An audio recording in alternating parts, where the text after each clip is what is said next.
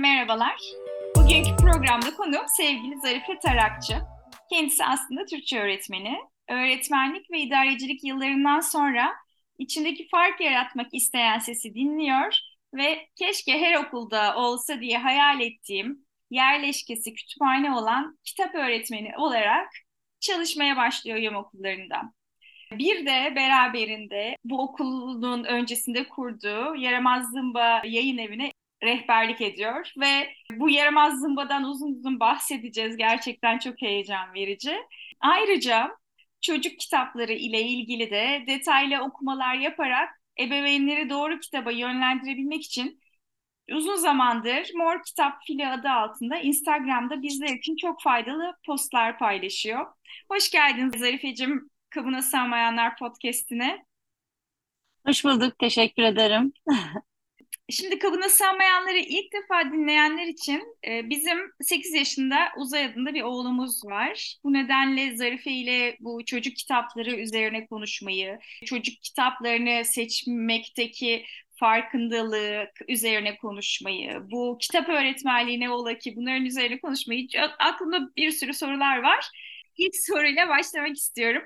E, bu kitap öğretmenliği nedir Zarife? Yani ben bunun hayalini hep kurardım. Böyle kütüphanede bir kitap öğretmeni diye bir hayal kurardım ama gerçek olduğuna dair bir bilgim yoktu. Ben kendi içimde öyle geçirir, içimden geçirirdim kütüphanelerde şöyle burada bir de bu çocuklara kitapları sevdirecek bir öğretmen olsa diye. Siz neler yapıyorsunuz öğrencilerinle? Biz ilk sevgili Kayhan Hoca ile görüştüğümüzde ona demiştim ki bana kitaplarla dolu bir yer verin ve çocukları verin diye. Ben aslında ortaokul öğretmeniyim. Ortaokul ve lise grubu öğretmeniyim. Ama bahsettiğiniz gibi Mor Kitap filmde hep okul öncesi ve ilkokul grubu kitapları incelediğim için o kitaplarla da çocukları buluşturmak istedim. O, o donanımımla onları buluşturmak istedim. Kitap dersi de bunun için çok güzel bir fikirdi. Haftada bir kez kütüphane çocuklarla buluşuyoruz ve onlara kitap okuyorum. Daha sonra okuduğum kitapla ilgili bir planlama çerçevesinde tabii çocuklarla kitap üzerine konuşuyoruz. Onunla ilgili sorulara cevaplandırıyorlar ve harika fikirler çıkıyor. Bir kitap üzerinden çocukların neleri daha farklı görebildiğini görme imkanı sağlıyor bu ders bana. Büyük büyük anılar biriktiriyorum o bir saatlik derste. Seçtiğimiz kitaplar temalarımıza uygun da olabiliyor. Çocukların çok gülebilecekleri kitaplardan oluşuyor. Ben zaten yeni bir kitap çıktığında büyük bir heyecanla buna ne tepki verirler acaba diye planlamamı kitap üzerinden yapıp onlarla buluşturmak en büyük heyecanım. Kitapla buluşma dersimiz aslında bir nevi. Kitapla buluşmak adına ne yapıyorsunuz? Çocuklarla o hı hı. buluşma anında nasıl nasıl bir plan çerçevesinde işliyor? Biraz böyle gözümün önünde canlandırmak istiyorum. Koşu koşu geliyorlar kütüphaneye, hemen yerleşiyorlar ve dev bir ekranımız var, projeksiyonumuz ve orada ben daha önce o kitabı taramış oluyorum ve ekrana yansıtıyorum. Doğal olarak sadece bir görsel üzerine bile çok uzun süre konuşabiliyoruz. Çünkü zaman zaman sessiz kitaplar var. Sessiz kitaplar üzerine de biz çalışma yapıyoruz. İlla böyle onları okumam gerekmiyor. Bazen onlarla beraber okuma yapıyoruz. İlk önce kitabın bir kapak incelemesini yapabiliyoruz örneğin kapaktan hikayeyi tahmin ed- etme oyunu en sevdikleri oyunlardan. Kitabın adından kitabın içeriği hakkında tahminlerde bulunma. Bu çok tatlı bir oyun. Ebeveynler çocuklarıyla da yapabilirler. Daha sonra kitabın kapağındaki hangi karakterin hikayesini acaba şimdi dinleyeceğiz oyunu da var. Çünkü çok karakterli olan bazı kitap kapakları olabiliyor. İşte kapaktan başlıyor serüven. Daha sonra soru soran kitaplar var örneğin. Bu hangi sorunun cevabı olabilir? Biz bu kitaptan bu, bunun cevabını nerede bulabiliriz? O kitap yolculuğuna başlamadan önce aslında oradaki merak uyandırma, kitapla ilgili onları oraya çekebilme. İnanın çocuklarda kitap ve yetişkin buluşmasında çocuklar bizden daha heyecanlı. O heyecanı bizi teşvik ediyorlar. Biz yeter ki orada buluşmak isteyelim o durakta. Daha sonra işte kitabı okuyorum. Kitabı okurken beni durdurdukları çok oluyor mesela. Bir dakika bir dakika diyor. Şunun yüzüne bakar mısınız diyor. O galiba bu durumdan hiç mutlu değil. Gerçekten o kitabı hissetmeleri, sayfaları hissetmeleri o kadar değerli ki gerçekten o o sahneyle kitabın sonunda o karakter evet bir şeyden huzursuz çıkabiliyor. Bir kitabımız vardı. Seçimi anlatan bir kitaptı. Kitabın adını da horozlar bir anda tavuklara diyor ki Herkes bu şekilde dağınık oturamaz diyor. Hepinizin bir numarası olacak diyor. Biz de diyor size ne yapmanız gerektiğinizi söyleyeceğiz diyor. Ee, çocuklar şöyle dediler. Bir dakika bir dakika. Mutlaka bu oldu. Onları kim, ben mi kaçırdım? Onları kim seçti ki lider olarak? Yani horozların o kümeste, kümeste Curcuna kitabın adı. Onları kimin seçtiğini okudunuz ben mi kaçırdım? O kadar e, dedim ya az önce böyle çığlıklar atıyorum içimden. Yani evet seçim olmadı. Ben o kitabı okurken bunun farkında değildim mesela. Onlarla beraber bunun farkına vardım. Anlatmak istedim o kitabın içinde değişkenlik gösteren bir takım etkinlikler. Bazen planlamamın çok uzağında şeyler de bana yaşatıyorlar. Ve bu şekilde diyor. Bir dakika bir dakika. Kaçırdım mı ben bu sayfayı diyor. Bunları kim seçti ki bunların başına? Seçim olmadı burada. Bu kitaplar üzerinden çocukların aslında seçim, adalet, seçme seçilme hakkı bunlar gibi türlü şeye hakim olduklarını anlıyoruz. Kitabı bitirdikten sonra benim onlarla konuşmam gereken konu kendini doğuruyor aslında. Planlamamın da ışığında ama onların da yönlendirmesiyle o ders böyle renkli renkli geçiyor.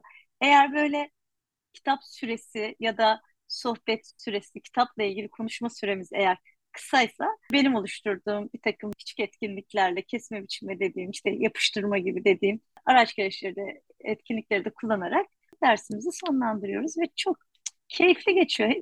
Ebeveynlerden geri bildirim alıyorsundur mutlaka bu kitap dersleriyle ilgili. Nasıl geri bildirimler geliyor?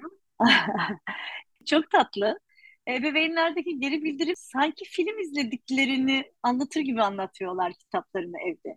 Sonra şöyle oldu, böyle oldu deyince anlattığı şeyin aslında bir kitap ve kitap dersi olduğu dönüşleri geliyor. Bu da tabii bizim adımıza çok eğlenceli ve doyurucu. Destek isteyenler de olabiliyor, çok haklılar. Hep beraber kitap okumayı, bu aşkı sürdürmek için neler yapmalıyız gibi. Kitap adına buluşmak bile çok güzel. Bir problem üzerinden değil de bir kitap üzerinden velilerimizle buluşmak, ebeveynlerle sohbet etmek çok keyifli. Evde kitap dersini anlatmaları çok başka. Oley bugün kitap dersi var deyip. Bazen çünkü şöyle yapıyoruz. Herkes bugün en sevdiği kitapla gelsin okula. İşte o kitabı bize tanıtsın. İşte kitabın içindeki karakterleri anlatsın. Evde ön okumalar yapıyorlar ki arkadaşlarına kitabını çok güzel takdim edebilsin gibi.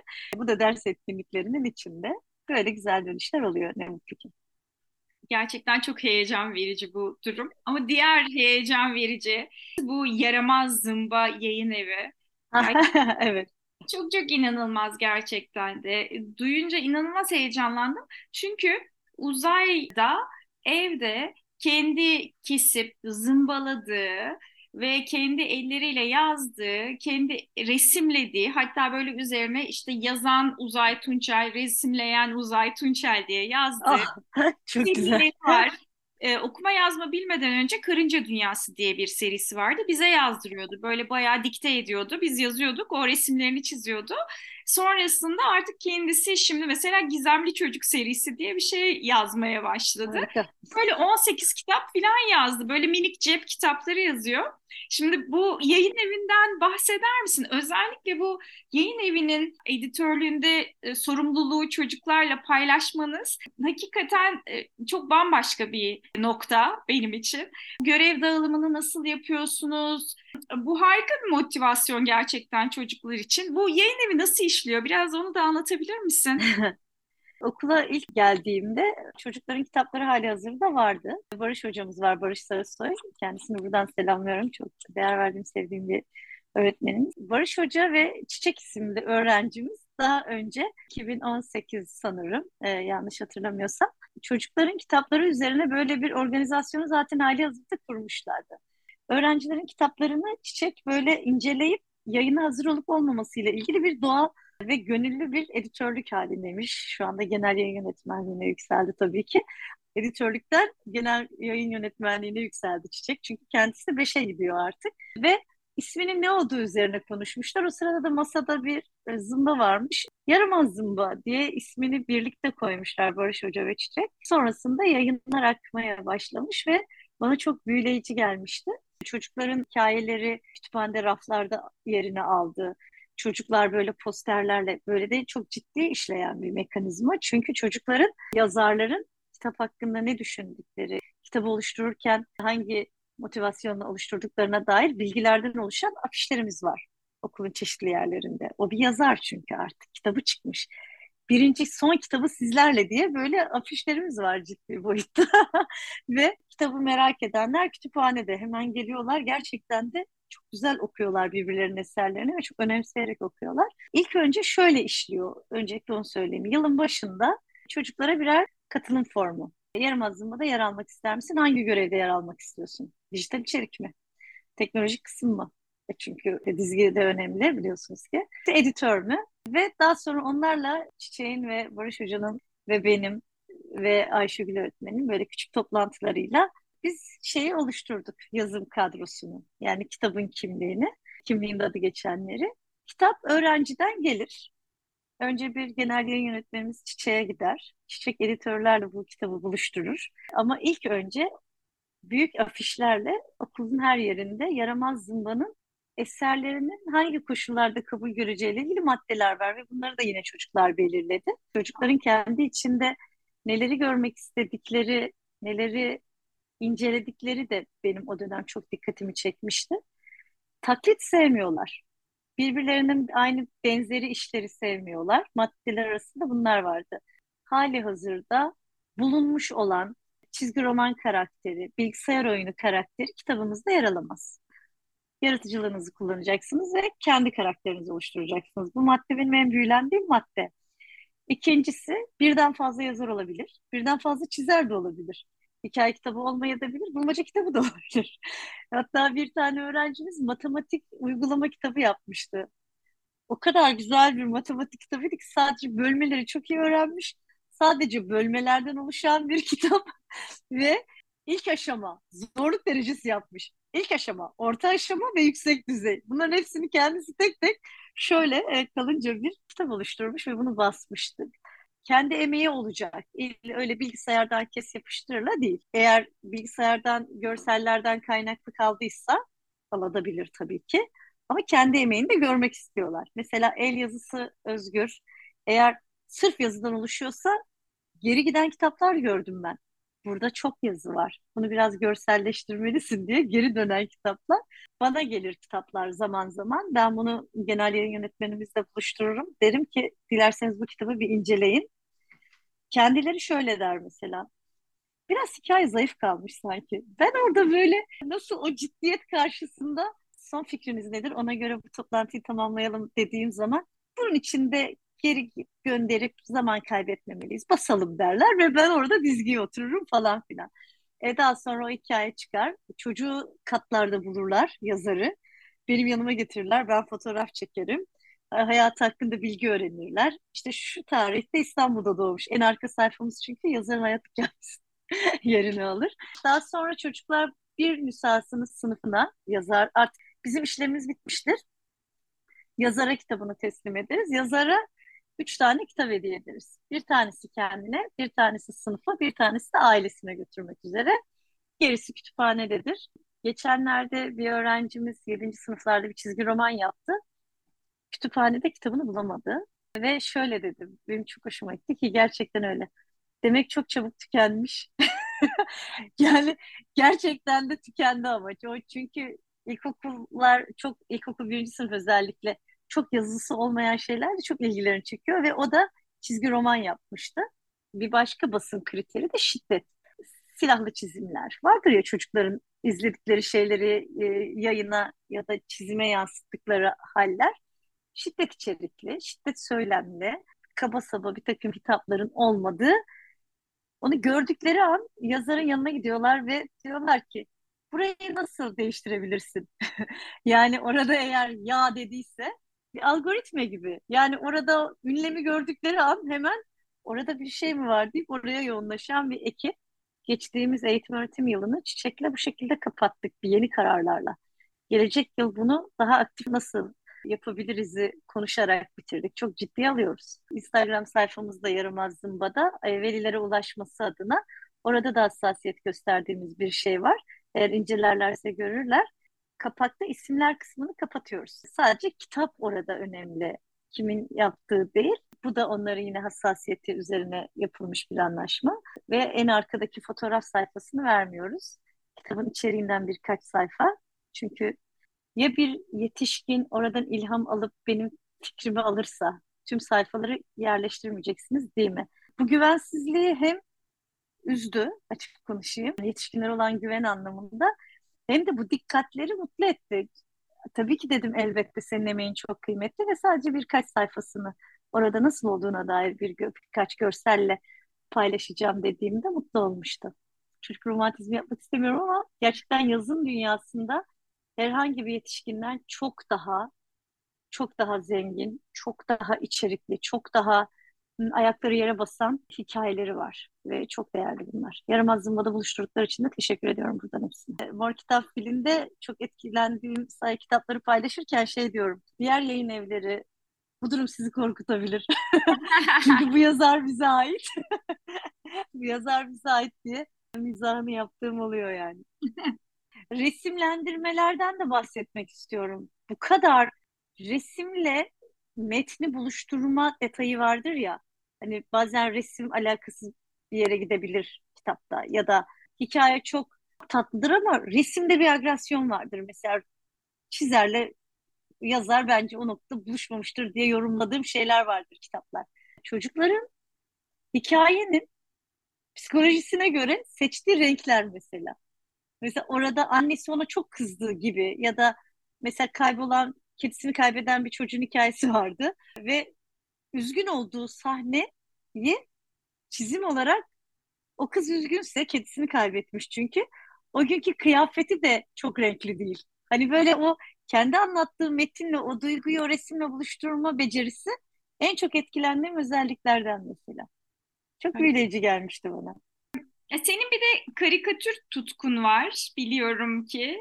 Sen karikatürü ve karikatür ile kitabı sevdirmek adına da çok çalışıyorsun. Bu çalışmalarını da biraz anlatmanı istiyorum. Elbette ki. Orta birde çok sıkıldığım bir düğünde buğulu bir cama Avni çizmiştim. Ama Avni karakterini bilmezken bir abimiz vardı akrabalarımızdan ve demişti ki o çizdiğin kişi kim biliyor musun?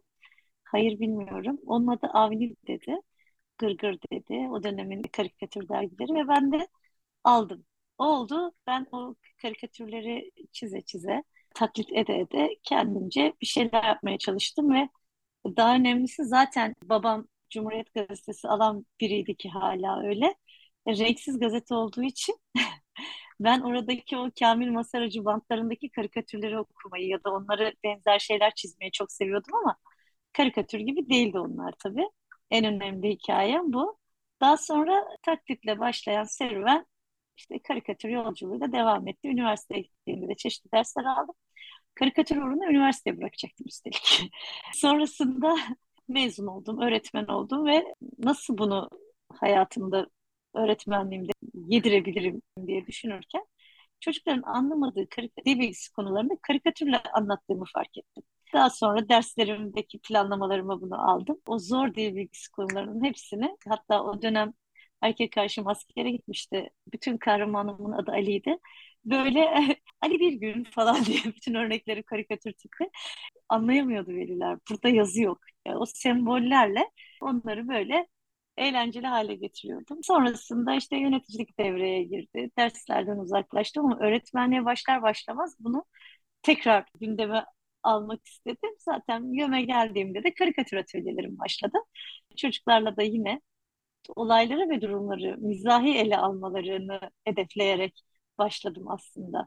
Çünkü bazen çok yüksekleşebiliyoruz ya bazı şeyleri. Hayır, her olayın kendine ait bir komedyası var kendi içinde. Bir kere verdiği tepkiyi bile çizse, bir şey bana anlatırken, hadi bunu çizerek anlat bana dediğimde, yüzünün şeklini çiz dediğimde bizde zaten emojilerimiz vardır böyle hisleri anlatan e, duygu ifadeleri.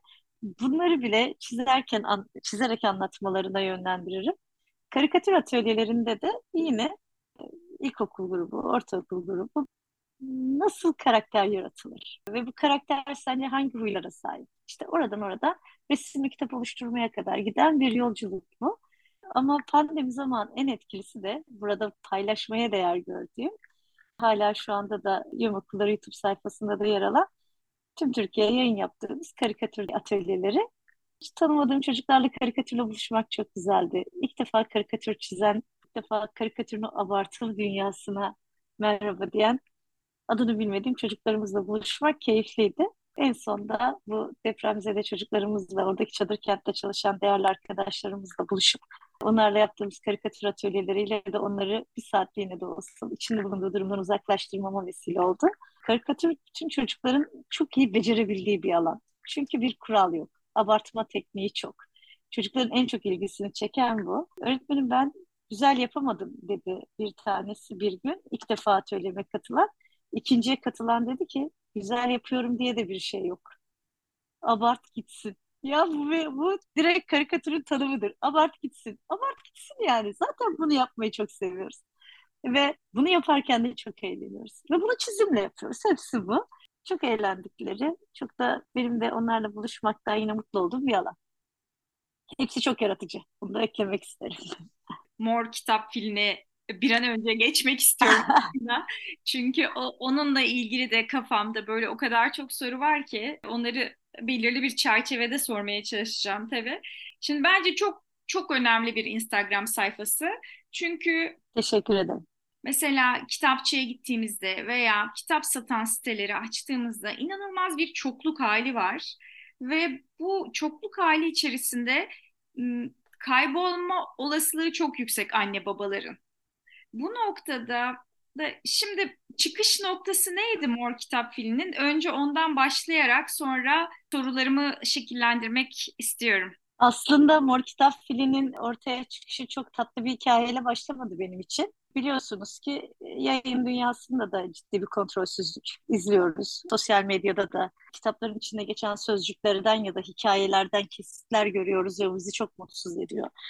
Yine böyle olumsuz bir kitapla tanışarak başladı. Aslında ilk baştaki hedefim böyle kitapları deşifre etmek üzerineydi açık konuşayım. Çünkü çok olumsuz içeriği olan bir kitap benim elime geçti bir öğrenci tarafından. Okudum ama okuyunca dedim ki Tanrım böyle bir kitap nasıl bugüne kadar geldi ve çocukla buluştu. Böyle zorbalıkla ilgili bir kitap ama zorbalığın olumsuzluğunu anlatan bir yer değil. Gayet olağan işlemiş İçinde her şey var. Şiddet var, kabalık var, zorbalık var. Ve çocuğun elinden kitabı alıp bu bende biraz kalabilir mi dedim. Hani onun elinden o kitabı bir saat bile ondan uzaklaştırmayı kar bildim kendime ve önce vatandaşlık görevimi, daha sonra öğretmenlik görevimi yaparak kendimce yayın evini aradım ve yazara kadar ulaştım. Neden ihtiyaç duydunuz? Gerçekten bu benim duymak istediğim şeydi. Böyle bir kitabı neden ihtiyaç duydunuz? Çok mu lazımdı gibi. Bu hedefle başladım. Cevabını sonra, alabildin mi? Alamadım. Kaçtı. Cevaplayamadığı gibi size döneceğim dedi ve hala dönmedi bu arada 2018'den beri. Ben de o zaman anladım ki çok tanınmış yazarlarımız da güzel kitap yapmayabilir. Buradan da bunu büyük bir açıklıkla söylerim. Lütfen de kendisi dinliyorsa da beni bulsun. Kaldı ki Instagram sayfamda da kitaba yer verdik. Kendisini etiketledim yine dönmedi. Dert değil. beni bir yolculuğa hazır etmiş oldu. Daha sonra çok güzel söylediniz. Bu karışıklık ve bu çokluk içinde istedim ki anne babalar bu kitaplarla buluşmasın. Çocuklarını da buluşturmasın. Çünkü önce biz okumalıyız. Nasıl ki çocuklara çok küçükken çok sıcak yemeği hemen ağzına tutmayız değil mi? Önce bir üfleriz, zaman geçmesini sağlarız. Yeter ki ağzı yanmasın. Biz bu kadar hassasiyet gösterirken hiç tanımadığımız birinin yazdığı, çizdiği herhangi birinin kendini ifadelendirdiği kendince bir yayın niye çocukla hemen buluşsun? Önce bizim küçük bir süzgecimizden geçmesin mi? Bunu kendimce bir görev bildim. Onu önce bir okudum ve yorumladım. Zaman zaman eleştirdim. Zaman zaman bu şu yayının biraz taklidi gibi geldi bana'yı da ekledim. Dilim oturdu öyle söyleyeyim. Okuyan kişi adımı görmese bunu Zarif Hoca yazmış diyecektir. Hem kendi görüşlerimi de aktardım yazılarımda, kitap üzerine fikirlerimi de aktardım. Bir kitap tanıtımı yapmıyorum. Onu demek istiyorum. Benim amacım kitabı kitapla ilgili yorumlamamı yapmak ve hangi grup için, hangi karakter çocuk için, çocuğun hangi talebine hizmet ettiğine yönelik yazılar yazmak. Bu konuda yine pandemi zamanında annelerden çok hem teşekkür yazısı aldım. Kendilerine teşekkür ederim. Hem danışmanlık gibi bir yere döndü. Şu anda çocuğun bir kardeş kıskançlığı yaşıyor. Ona uygun kitaplar var mı dediklerinde şunu söyledim onlara. Kardeş kıskançlığı yaşayan bir çocuğa kardeş kıskançlığını anlatan bir kitap mümkün mü? Yani çocuğu zaten içinde bulunduğu bir durumu daha da pekiştirmez mi bu? Çocuğunu siz daha iyi tanıyorsunuz ama diye başlayan yazılardan oluşan bir yazışmamız oldu.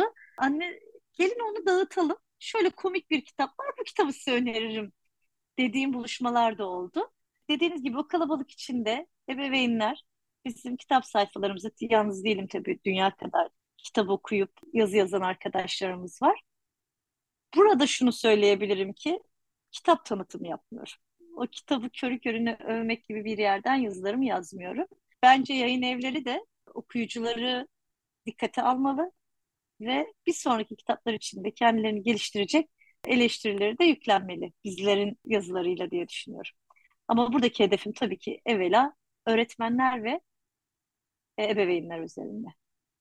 Biz ne yapalım Zarife? Sen söyle. Yani ben açıkçası resimli kitaplar seçerken çok daha hı hı. güvenli ve çok daha rahat seçimlerde bulunabiliyordum. Nedense. Ama şu anda mesela Uzay 3. sınıfta ve kitap seçme konusunda daha zorlanıyorum. Neden zorlandığımı hatta senle de önden sohbet ettiğimizde de ben söylemiştim. Şu anda sanki daha zormuş, daha e, resimli kitap spektrumu daha genişmiş ve daha nitelikli kitaplar varmış da sanki böyle ilkokulda birazcık o ara dönemlerde kitap bulmak zorlaşıyor gibi hissediyorum.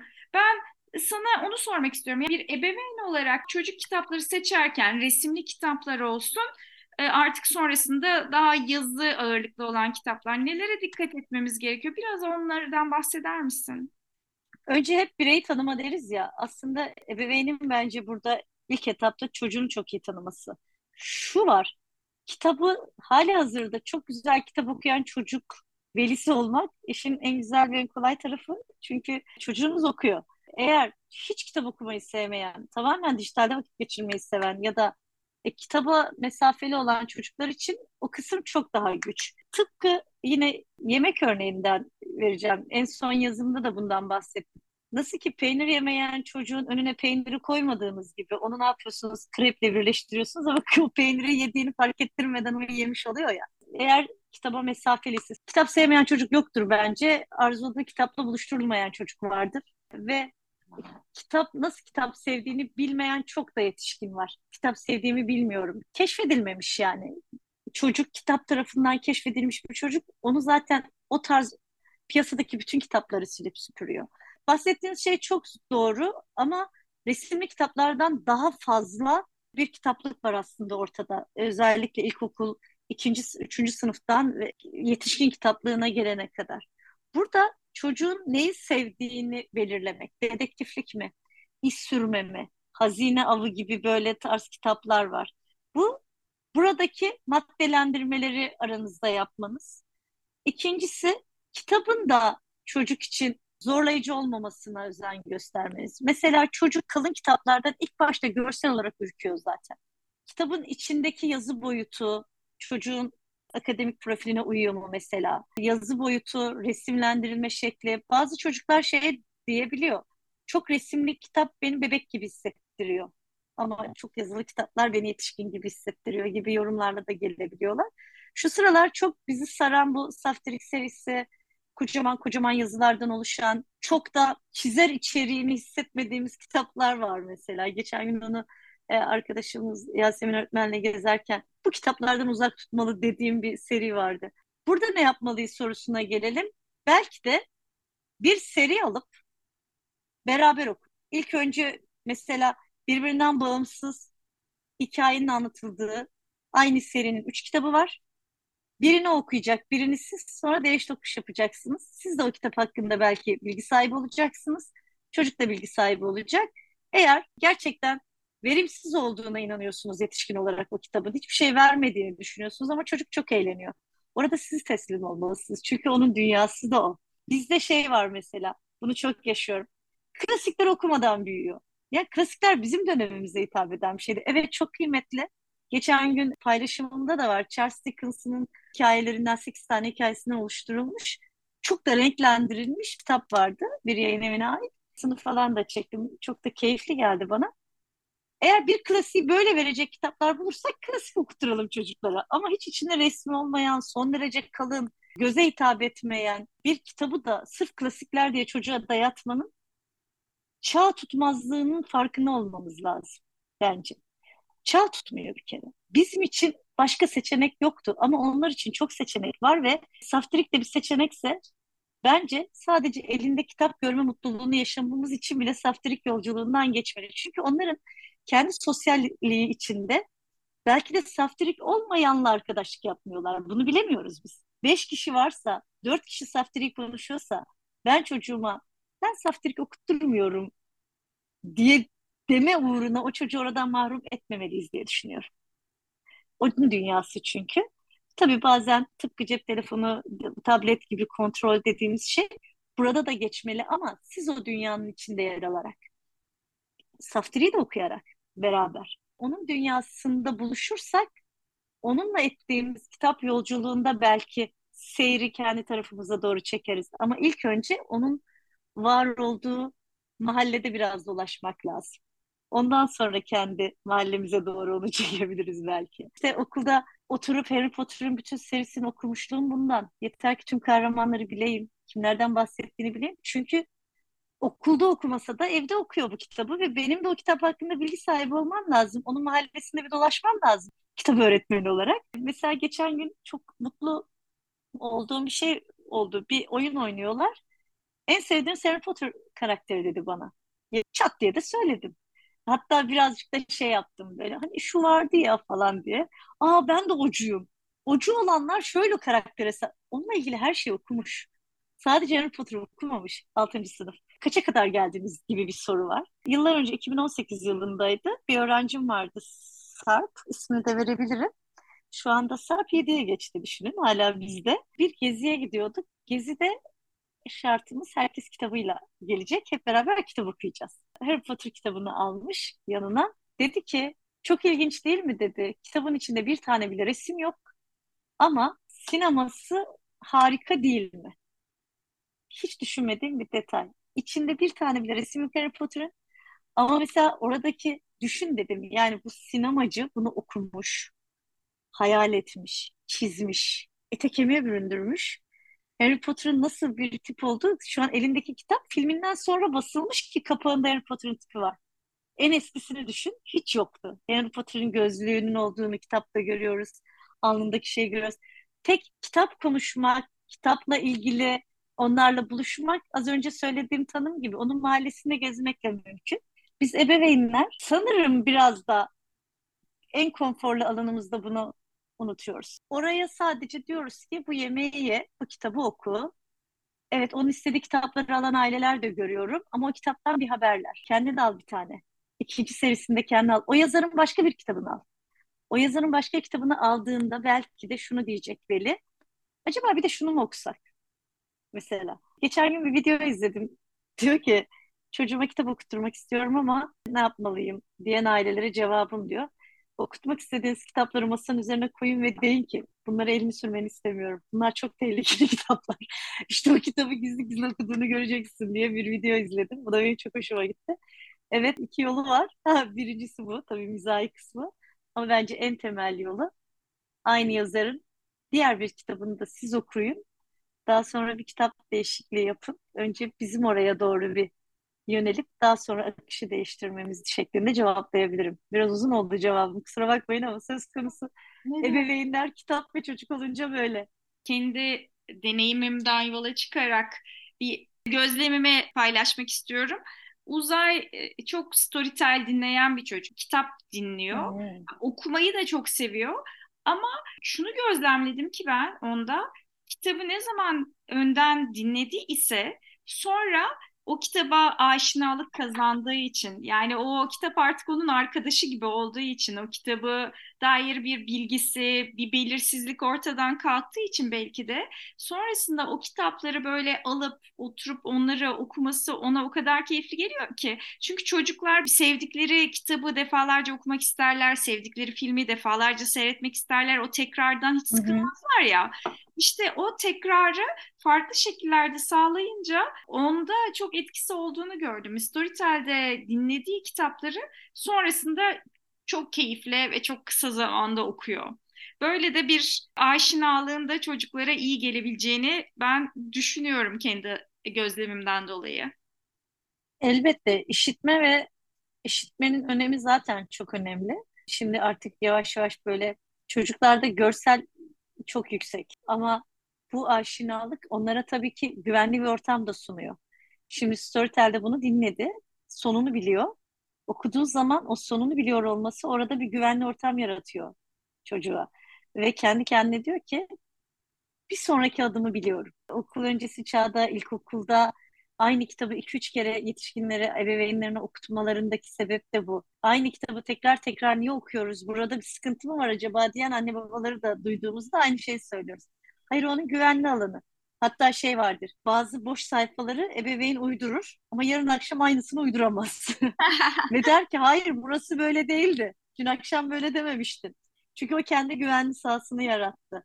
Evet dediğiniz gibi Storytel'de, sesli kitaplarda çocuklara öncesinde bunu dinleyip daha sonra okutmak güvenli bir alan yaratabilir öğrenciler için, çocuklar için. Tabii Çok da keyifli bir yöntem.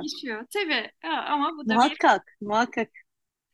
Bin bir tane yöntemi var. Çok garip. Kimisi mesela bunu çok zorlandığımız bir yer. Mesela ekrana ben kitap derslerinde, kitap zamanı dersinde kitabı PDF'ine yansıttığımda Beste diye bir kızım var yavrum benim, öğrencimiz.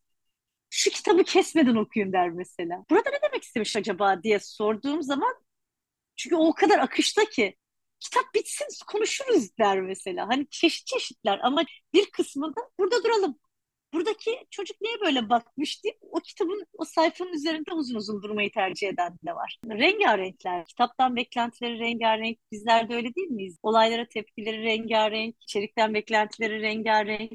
Kimse ansiklopedi okumayı seviyor mesela. Dinozorlara takılmış olanlar var. Dünya dünya seçenek var çocukların elinde. Peki sormak istediğim bir şey var. Mesela okul öncesinde çocuklar böyle kucak dolusu kitaplarla geliyorlar annelerine, babalarına. Aa şunları bunları hadi gel hep beraber bunu okuyalım. Sonra böyle ilkokula geçtikten sonra ben çok duyuyorum. O motivasyon kimi çocukta kalmıyor. Neden kalmıyor? Bu motivasyonu korumak için, e, bu bağı koruyabilmek için ne yapmak lazım? Ne dersin? Bu soru bize de çok geliyor. Anaokulundayken çok seviyordu kitap okutmayı. Ama şimdi oku oku diye zorluyoruz ama okumuyor gibi bir takım serzenişler geliyor. Ben bunu şöyle yorumluyorum. Okuma bilmesiyle cezalandırılıyor gibi geliyor çocuk bana. Artık okumayı öğrendin, tek başınasın. Al bu kitabı oku. Kitap okuma işi evde aileler için çok zor bunu gerçekleştirmek. Bununla ilgili dönüşler alıyoruz ama gerçekten bir arada yapılan bir iş olmalı. Her akşam o ailenin bir okuma saati olabilir. E, bir çocuktan bir şey isterken bir katkı sağlamadan istemek burada doğru değil. Şimdi çocuk okul öncesinde okumayı bilmediği için evde seçtiği her kimse, annesi olabilir, babası olabilir. Onunla yatmadan önce oluşturduğu bir rutini bu.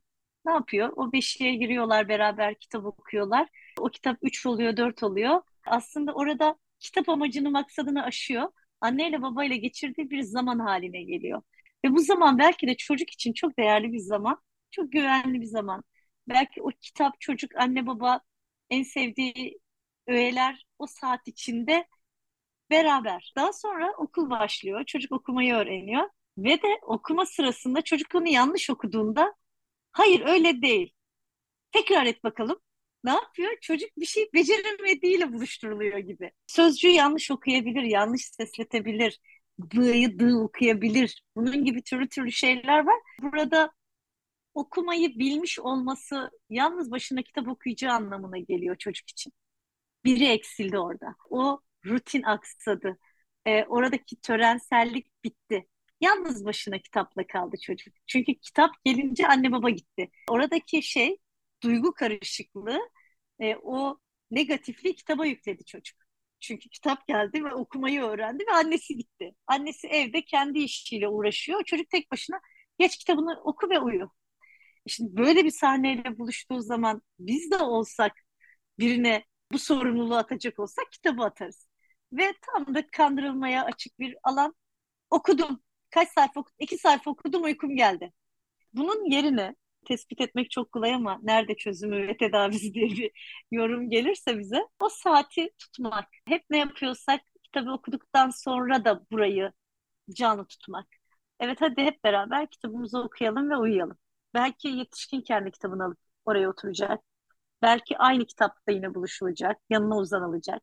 Bir sayfayı sen oku, bir sayfayı ben okuyayım olacak. Kitaba coşkulu bir katılım sağlayacak. Yani çocuk orada kitabını okurken yanına uzanmış ve cep telefonuyla meşgul bir ebeveyn elbette ki istenir bir görüntü değil. Bir de çocuklara hadi sen şimdi odaya gir kitap oku ama içeride televizyon tüm canlılığıyla çalışsın. Ebeveynlerin elinde bir dijital araç. Herkes kendi dünyasında takılsın.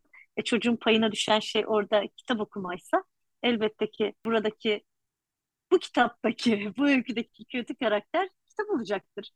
Herkes dijitaldeyken. Sebeple buradaki keyif eşitlenmesini sağlamak lazım. Keyif eşitlenmesi. Herkes o anda kitap okuyacak. Televizyon kapanacak. O 40 dakika çocuklar kitapla buluşacağımız ailenin özel. Nasıl ki yemekte buluşuyoruz. Nasıl ki ortak bir filmde buluşuyorsak şayet bu buluşmada çocuk için sürdürülebilir olması adına, model olması adına, o saatin aileyle geçirilen özel bir saat olması adına bunun sağlanması gerektiğini düşünüyoruz. Hepimiz bunu söylüyoruz. Evet evet kesinlikle öyle. Bundan çok zaman önce sevgili Tülin Kozikoğlu'yla biz sohbet etmiştik. Hmm. Kendisi uzay o zaman birinci sınıftaydı. Benim için çok aydınlatan bir konuşmaydı o. Okumayı söken çocuk sanki onu bir ağır çekim gibi yaşar. Onun için lütfen evet. kendisi özellikle vurgulamıştı. Lütfen ama lütfen çocuğunuza kitap okumaya devam edin. Birinci sınıfta devam edin, ikinci sınıfta devam edin. Edin yani o talep ettiği sürece çocuğunuza kitap okumaya devam edin dedi. Ben onu hep kulağımda bir nasihat olarak tuttum ve uzayla birlikte o okuma saatlerini devam ettirmek için her akşam yatağa giriyorum gerçekten de ve faydasını Ne güzel. Çocuklarda şöyle bir şey var. Annem bile, babam bile Anlatabildim mi? Hem olumlu hem olumsuz olarak da bunu ele alabilirsiniz. Çünkü çok doğal gözlemciler her attığımız adımı çok güzel kopyalıyorlar ve annem bile böyle yapıyor, babam bile böyle diyor. Bizim söylediğimiz bir şey oluyor o sınıfta. Aa babam gibi konuştum. Aa annem de aynı şeyden bahsediyor. Dedikleri zaman diyorum ki bazı şeyleri kaydediyorlar. Kitap da kaydedilenler arasında yerini alsa. Ama bu hiç kitap okumuyor diyen bir veli serzenişinde evde hiç kitap okunmadığı duygusuna da kapılabiliyoruz. Ve de şöyle de dönüşebiliyor. Ben çok güzel kitap okurum. O zaman gözünün önünde okumuyorsunuz. Onsuz zamanlarda işte metroda okuyorsunuz. Bunun gibi şeyler geliyor insanın aklına. Doğru. Peki bir soru soracağım. Bu çocuk kitapları sence sadece çocuklar için midir? Yani yetişkinler resimli kitaplarda kendilerine dair neler bulabilirler sence Zarife? Bu bizim kitaplarla ilgili yazı yazan arkadaşlarla hep konuştuğumuz bir şey. Bazı kitaplar var. Hiçbir surette çocukla buluşturulmamalı. O kitabı görünürde az yazılı olması, çok resimli olması onun bir çocuk kitabı olduğu anlamına gelmiyor. İçerik olarak baktığınızda bir yetişkinin alacağı mesajlardan oluşan çok kitap var. Ve aslında kitapta da sadece çocuklar için de yazmıyor. Bazı kitaplar bu mesela bazı yayın evleri var. Buna çok güzel hizmet etmiş. Yaş cetveli koymuş örneğin. 7 yaşa kadar okunabilir. 15 yaşına kadar okunabilir. Bazıları da hiç yazmıyor bunu. İlla içine bakmak gerekiyor. Bazıları var. Evet çocuk da buluşabilir. Ama önce yetişkin de okuması gerekir. Mesela yetişkin gözüyle mutlaka bir kere okunmalıdır dediğim yaşsız kitaplar var. Evet çocukla da buluşturabiliriz ama bir yetişkin olarak da çok çok çok güzel derslerin olduğu kitaplar var. Bu yüzden kitaplara biz resimli kitaplar diyoruz. Çocuk kitapları diyerek sınırlandırmamak için. sadece ebeveynlerin okuması gereken resimli kitaplar var.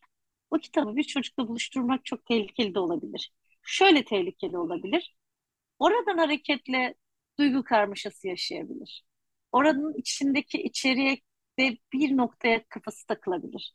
Oradan onu çıkarmak zor olabilir. Çünkü illa bahsettiğim şey böyle kötü tarz, kötü üslup, kötü cümleler değil.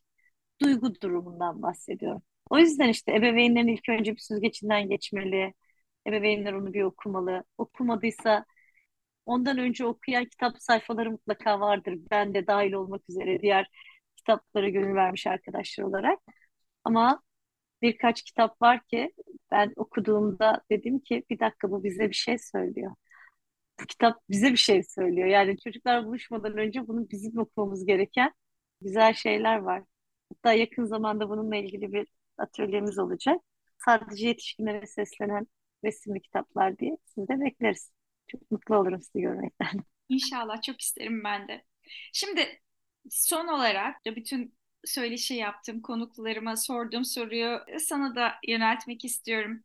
Bir kabına sığamayan olarak hayallerini anlatır mısın?